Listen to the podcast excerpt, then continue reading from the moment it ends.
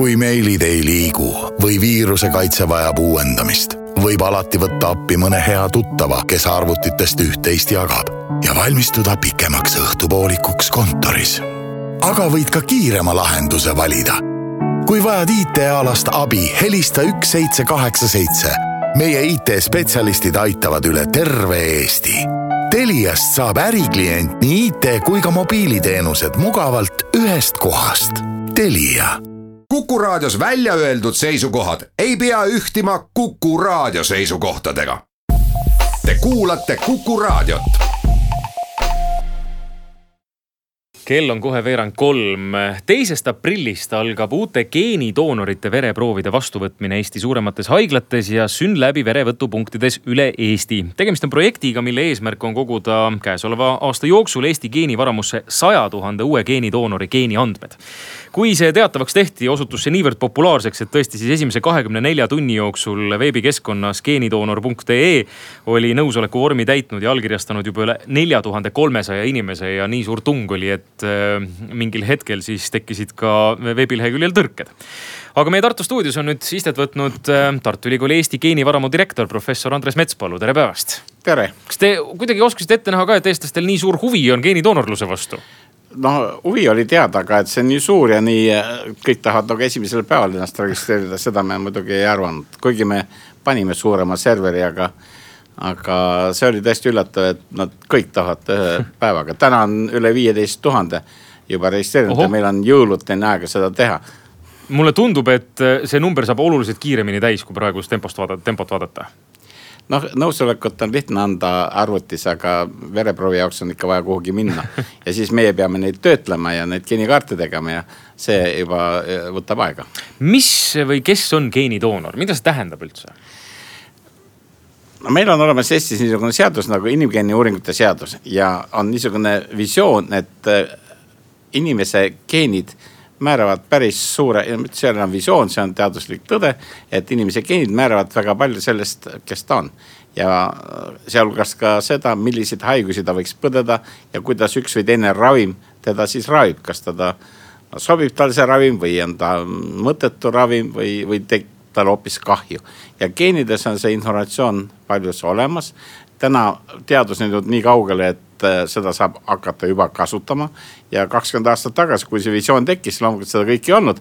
aga, aga oli teada, kuhu see välja jõuab, oli näha, kuhu uuringud jõuavad ja oli näha, et sekveneeritakse inimese genoome ja nüüd oleme jõudnud punkti, kus teadus on olemas, aga meie oleme ka valmis seda kasutama ja ma arvan, et see on üks esimene kord maailmas, kus biopankadest, mis Eesti geenivaru on biopank, kus otse saab võtta infot ja hakata kasutama meditsiinis täna me oleme üle viiesajale inimesele juba seda tagasisidet andnud nendel, kes liitusid eelmises äh, perioodis. ja tundub, et nemad ka räägivad äh, teistele, et neil oli päris huvitav seda kuulata.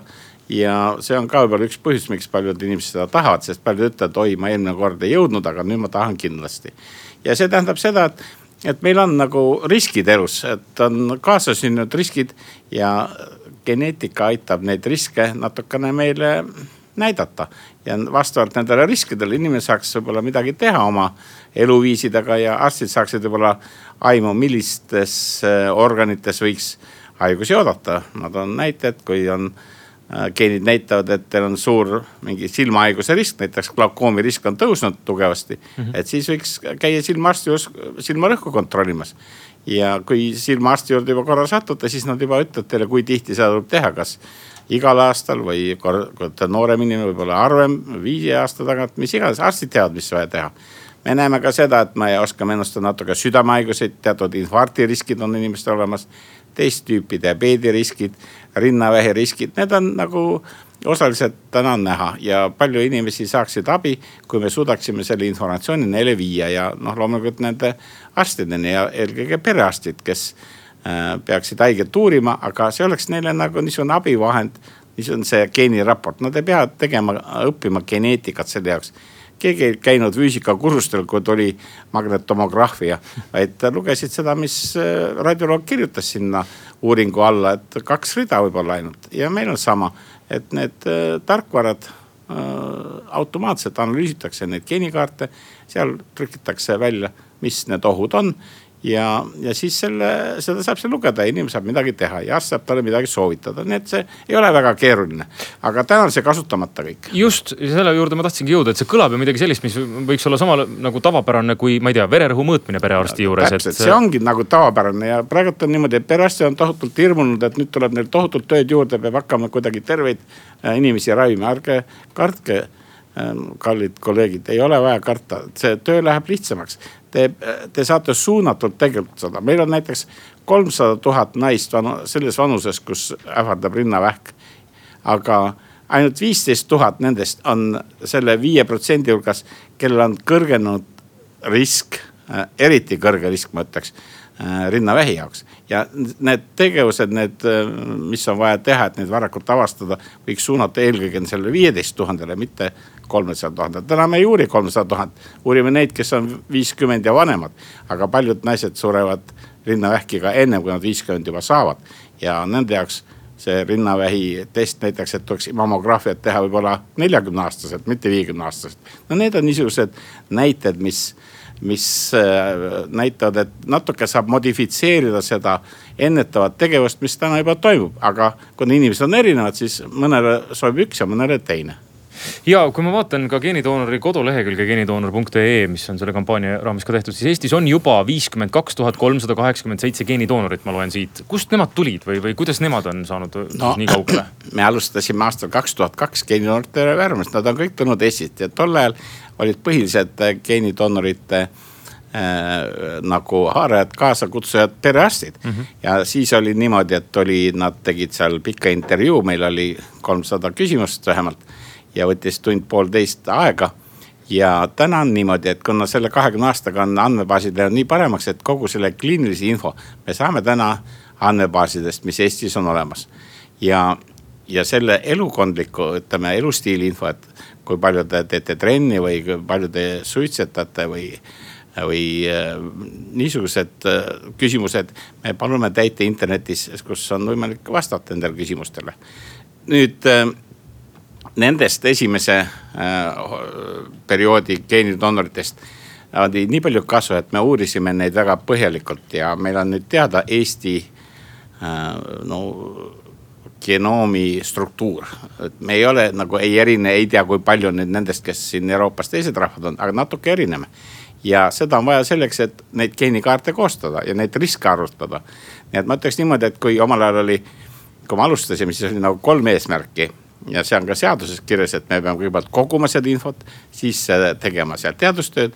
ja kolmas oli see, et kasutada seda rahva tervise hüvanguks, ütleks niimoodi, et, et nüüd on äh,. me oleme kogunud seda infot, me oleme seda uurinud, publitseerinud palju artikleid ja oleme väga edukad äh, nagu rahvusvahelises mõttes äh, no ka tsiteeringute ja publikatsiooni poolt, aga nüüd on käivitunud ka personaalse meditsiini esimesed nagu tegevused RITA projektide raames juba Tartu Ülikooli Kliinikum ja Tallinna äh, Põhja-Eesti Regionaalhaigla.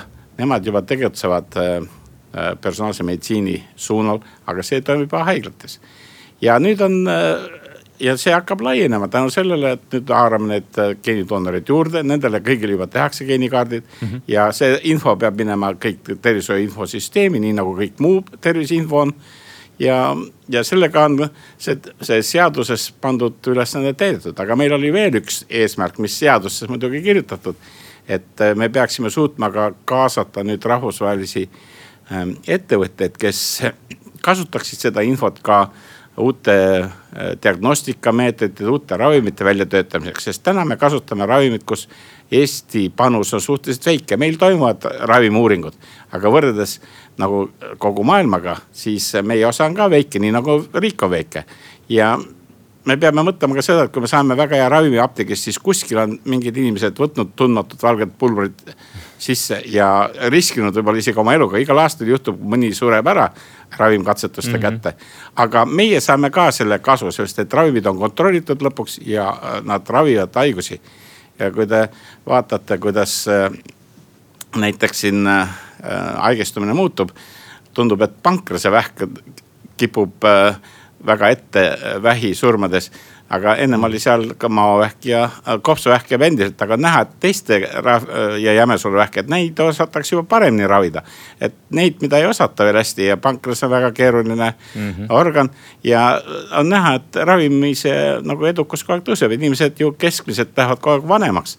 ja loomulikult on näha, et teadus töötab, ravimid lähevad paremaks ja siin oleks meie panus ka ülemaailmsesse nagu heaolu tõstmisse, et inimesed elaksid tervelt rohkem aastaid. Ja see on ka Euroopa Liidus järgmises perioodis nagu eesmärk, et vähemalt kolm aastat tõsta seda äh, tervelt elatud aastate arvu. Ja me suudaksime siin nagu panustada milline see meie geenikaartide koostamise võimekus on, ma saan, kui keeruline see on, et noh, et kas meil sisuliselt oleks võimalik kõikidele eestlastele see koostada ikkagi? muidugi on kõikide eestlaste, kõige keerulisem on koguda need vereproovid kokku, seepärast et keegi peab minema kohale. kui nad ükskord on meil juba majas, siis seal töötavad juba robotid ja seal on kõik äh, automatiseeritud.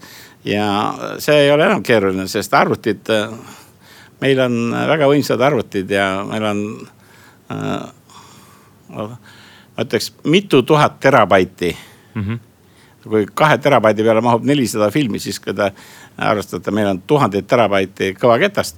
siis kujutage ette, kui palju meil on nagu andmeid ja seda saame kõik kasutada, nii et nende kõige keerulisem on töötada välja need raportid, see geenikaart ise on ainult, kirjeldab seda umbes seitsmesada tuhandet markerit genoomis. aga selle baasil lisades sinna teatud info juurde nagu inimese sugu ja vanus ja kehamassiindeks ja suitsetab, ei suitseta ja mõned asjad veel. siis me saame selle geeni riskide raporti ja nende jaoks on vaja nüüd, see oleks nagu järgmine etapp, kus on vaja investeeringuid teha järgmisel aastal, et töötatakse välja automaatsed variandid. me oleme töötanud siin ülikoolis teatud noh, ma ütleks niisugused embrüonaalsed süsteemid, mida me kasutame praegu nende geenidoonorite Äh, nõustamiseks, mida me teeme siin teaduslike projektide raames, aga Tartu Ülikool ei ole mingisugune haigla ega diagnostikasutus, me oleme teadus- ja õppeasutus.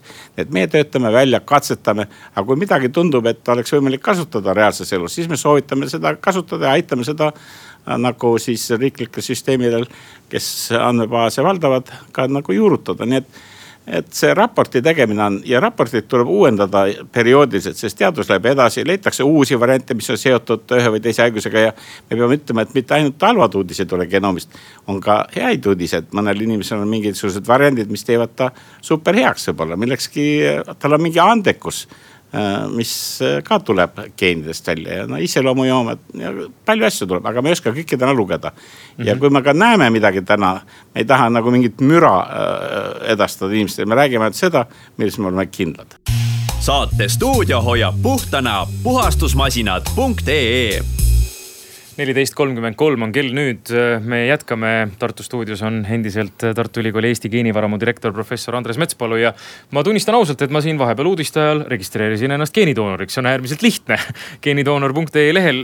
ma saan aru, et nüüd, kui mul on see tehtud, et siis äh, ühel hetkel, kui nüüd läheb vereproovide võtmiseks, siis kuidagi võetakse minuga ühendust ja ma saan ise juba kokku leppida, kus ma seda verd annan või kuidas see käib?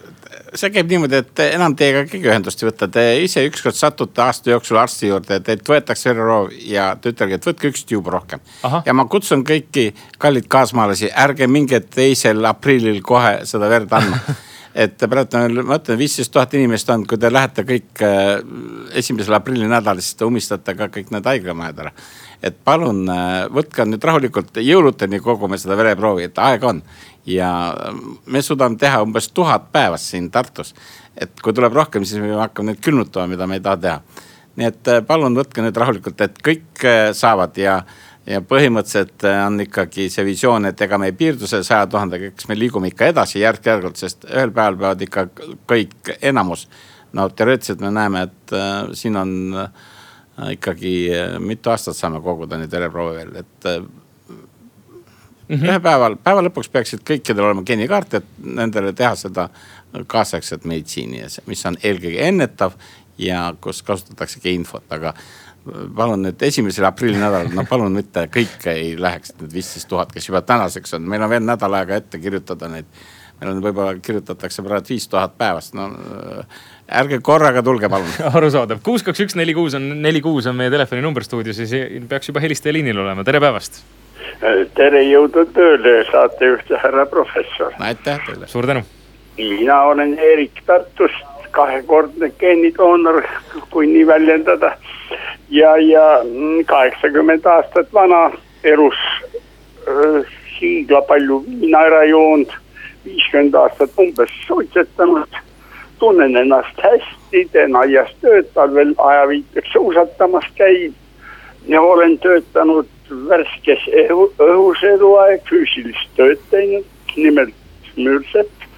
ja nüüd öö, tunnen ennast hästi suhteliselt, tähendab, ma tahan küsida ühte küsimust teie käest. kas te tagurpidi oma tööd ka kontrollite, näiteks mina saan nüüd mai alguses teada teie töö tulemuslikkust. kas teie asjad lähevad täppi minu olemasolevate hädadega?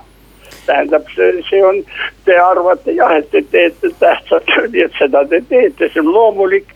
aga ta ei pruugi anda selliseid tulemusi, nagu te arvate, sellepärast paljud asjad võivad hoopis teistmoodi minna ja seosed on hoopis teised, aitäh. aitäh, no kuidas on sellega siis? alati võib midagi teisiti minna, aga see, mis me näeme, meil on, me räägime, et me räägime riskidest ja riskid on tõenäosed. ja kunagi me ei räägi et, et sada protsenti, et kui tal on kõrge haigusrisk ühele või teise asja, et see kindlasti juhtub mm, -hmm. aga suurem tõenäosus, et, et see juhtub just teiega. nüüd, kui te rääkisite, kuidas te olete elanud ja vaata kaheksakümmend aastat vana, siis teie genoomist tulevad välja need variandid, et miks miks teil see suitsetamine pole tekitanud mingit probleemi siiamaani ja me teame ka neid variante, mis on inimesele kaasa sündinud, kus suitsetamine ei ole talle riskifaktor, see on väga väike protsent inimesi, see on üksikud, aga niisugused asjad on ka olemas.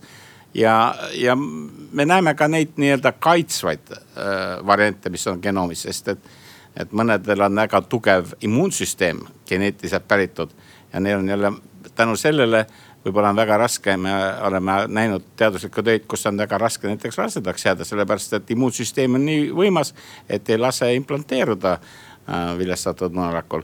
küsimus on selles, et organismis on paljud asjad tasakaalus ja see keskkonnategur, antud juhul siis suitsetamine või mingi niisugune äh, muu mõjur, eelkõige toidust tulevad asjad või kehaline aktiivsus, need võivad seda tasakaalu nihutada ja seetõttu on väga huvitav vaadata kõiki genoome, kuna meil on teie terviselugu teada, siis me saame ka vaadata neid variante, mis näitavad, et meil oli siin inimesed, kes olid üheksakümmend aastat vana ja käisid jalgrattaga poes mm. -hmm. ja kui me vaatasime nende variante, siis tulid välja väga huvitavad seosed, et võib vaadata, et on kaitsvad variandid, kuigi tal oli kõrge no ütleme, lipiidinäidud olid kõrged, aga siiski tal ei olnud mingit nähtu sellest, et ta hakkaks südamehaigeks jääma.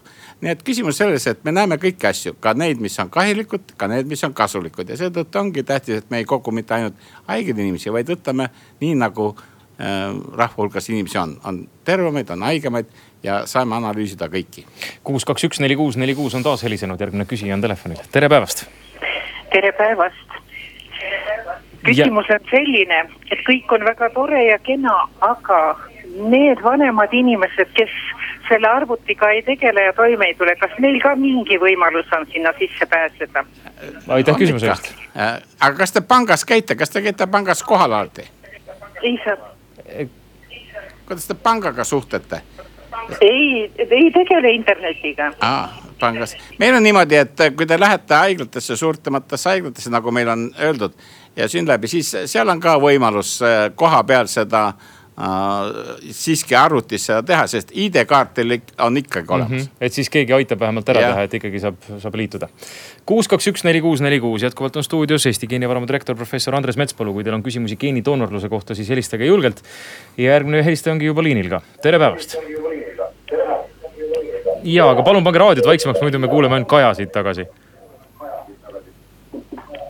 nii, halloo, halloo ei, ei, me kuuleme ainult Kaja kahjuks, et iga kord, kui te helistate, siis astuge raadiost eemale, et siis on parem kuulata. niikaua, kuni me järgmist eh, helistajat ootame, siis ma saan professor Metspalu käest küsida. me oleme siin rääkinud Eestist, aga kuidas meil maailmas üldse selle geenidoonorluse pilt on, et eh, kui palju seda, kui palju seda tehakse, kui palju neid proove võetakse?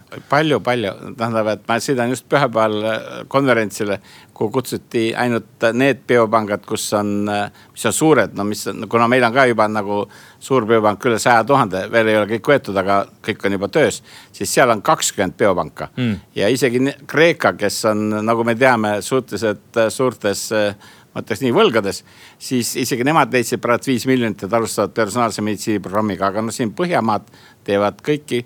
Soome, Soome kogub praegu viissada tuhandet kokku, Norras on ma arvan et, et kolm-nelikümmend protsenti juba inimesi ühes või teises biopangas, neid on rohkem biopanku. Taanis võeti kõik vastsündinute screening'u äh, käigus kogutud mm, vereproovid biopanka on ka juba mitu miljonit, nii et kõik see läheb igal pool kuus, kaks, üks, neli, kuus, neli, kuus on helisenud taas vahepeal. tere päevast. no tervist, tervist. tere. kuulame teid. et eh, selline küsimus, et kas selle uuringu käigus saab teada ka oma rahvuslikku tausta? aitäh küsimuse eest, kuidas on me, siis muude asjadega? me praegult rahvuslikku tausta veel ei anna. Äh, ütleme niimoodi, et ähm, meil on meetodid ja me natuke vaatame seda, aga me ei ole praegu seda hakanud tagasi andma, me tahame natuke paremaks teha seda programmi, mis meil on. aga ma arvan, et äh, võib-olla aasta teises pooles äh, või siis, või siis uuel aastal, kui ma hakkan nendele, ütleme järgmine aasta teises pooles, kui need sada tuhat saavad analüüsitud, et võib-olla nendele kohordile anname tagasi ka seda päritolu. kusjuures me saame äh, päritolu öelda mitte ainult nagu noh, ütleme Euroopa mastaabis, aga me näeme ka seda, kust äh, äh, kohast inimesed Eestis pärit on hmm.. aga järgmine helistaja on liinil, tere päevast. tere, öelge mulle palun, kas on vanusepiirangud alates millis, mis eluaastast kuni mis eluaastani te võtate geenipanka inimese ja, ja kas on veel mingisuguseid piiranguid milliseid ma ei oska praegu küsida mm. -hmm. meil Aitäh. hakkavad, äh, meil sobib kõik, kes on kaheksateist aastat ja vanemad, mingist ülemist piiri ei ole. ja kõik sobivad ja kõigil, kel on, kes on Eestis, äh, kel on, kes elavad Eestis, kel on haigekassaga side, me tahame saada ka terviseandmed ja, ja meil ei ole tähtis, et peab kodanik olema, meil on tähtis, et on, elab Eestis, tal on, käib Eestis arsti juures ja tal on haigekassas või kuskil on andmeid, sest me peame tema terviseandmed saama nagu andmebaasidest muid piiranguid ei ole, et? ei, mingeid piiranguid ei ole. kuus, kaks, üks, neli, kuus, neli, kuus on taas helisenud, tere päevast. tere. ja kuuleme teid minul selline küsimus võetakse lastelt, sündinud lastelt. kuidas? sündinud lastelt võetakse ka proove. see on hoopis teine asi see on hoopis teine asi, see võetakse sünnitusmajas, aga seal võetakse äh, kaasasündinud äh, ravitavate geneetiliste haiguste suhtes äh, kannast mm, kuus tilka verd ja seda analüüsitakse kohe Tartu Ülikooli Kliinikumi geneetikakeskuses. ja seal on niisugused haigused nagu mm, venülketonuuria, kaasasündinud hüpedüroos ja, ja teised ja need on, see on hoopis teine asi, see mm -hmm. ei ole geenivarmuga midagi pistmist.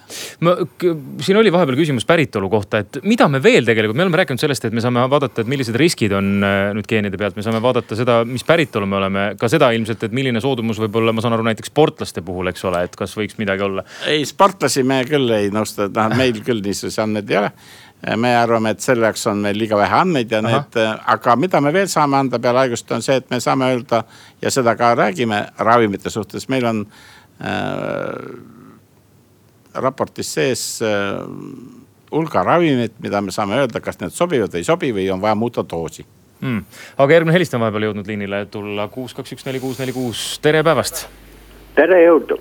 olen seitsmekümne ühe aastane ja käisin eesnäärme operatsioonil äh, kaks tuhat kolmteist ja siis võeti mult need samad vereandmed, aga kus ma neid nüüd näeksin, et mul on tegelikult nagu antud juba vere. aga kas te, äh, kas te olete geenidoonor, kas te kirjutate, kas teil on niisugune paber, et mina olen äh, liitunud geenidoonorlusega ja te kirjutasite alla niisuguse paberile, mille pealkiri on nõusoleku vorm. ja see oli. on olemas äh, äh, kiirabihaiglas. ja te... selle nimi oli geenidoonor, geenidoonorluse vorm?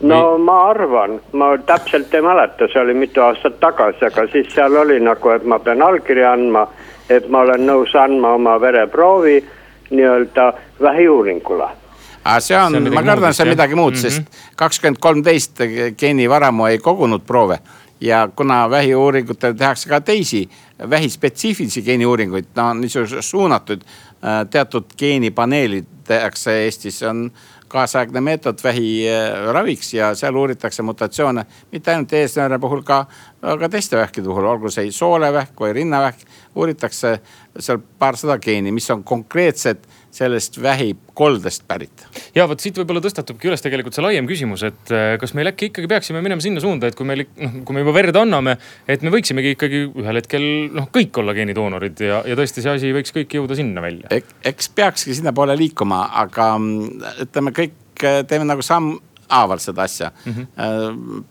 paljud ikka veel ei ole valmis, meil on ikka üle kahekümne protsendi inimesi, kes ei taha teada täna oma geeniriske ja no nende otsust tuleb ka austada ja teiseks me peame olema kindlad, et, et kui inimesed liituvad, et nad on lugenud need enne kui ta alla kirjutab, siis ta ikkagi loeb need infomaterjalid läbi ja ta teab ikka, annab teadliku nõusoleku, meil on meil on ka telefonid, kui inimesed helistavad ja need on ka väga kuumalt täis ja meil on ma arvan, et kirjutatud viissada kirja e, e-kirjad nende kolme päevaga mm., kus inimesed praegu vastavad neile.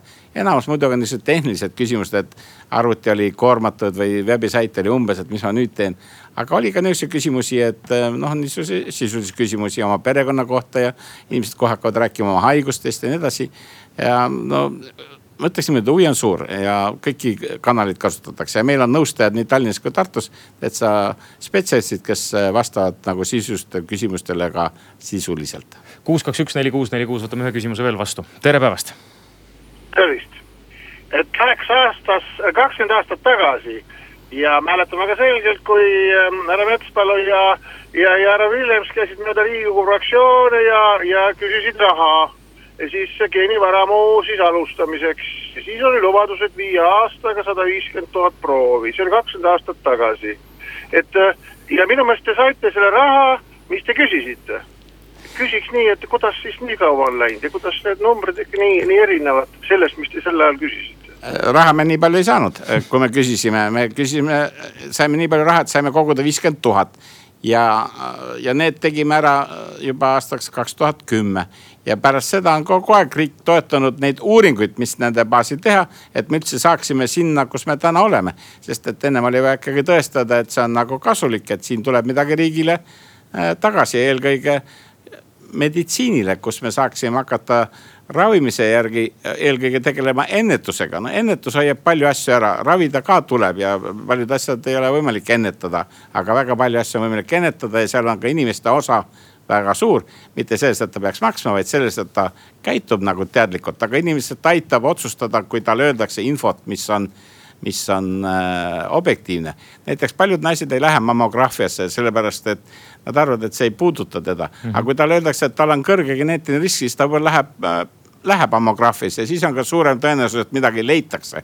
aga kui ta üldse ei lähe, siis, äh, siis ta jääb nagu uurimata, kuigi riik on isegi vahendid selle jaoks haigekassal on, jääb vahendid mõni aasta kasutamata, et ei minda mammograafiasse nii suure innuga nagu võiks no igal juhul geenidoonor.ee on veebilehekülg, kus on võimalik siis ennast geenidoonoriks registreerida, kus saab ka natukene informatsiooni ja loomulikult Tartu Ülikooli Eesti geenivaramu koduleheküljel on informatsiooni, keda huvitab. ma tean, et professor Metspalu peab nüüd edasi liikuma ühele konverentsile. suur tänu täna stuudiosse tulemast ja jõudu igal juhul proovide võtmisel.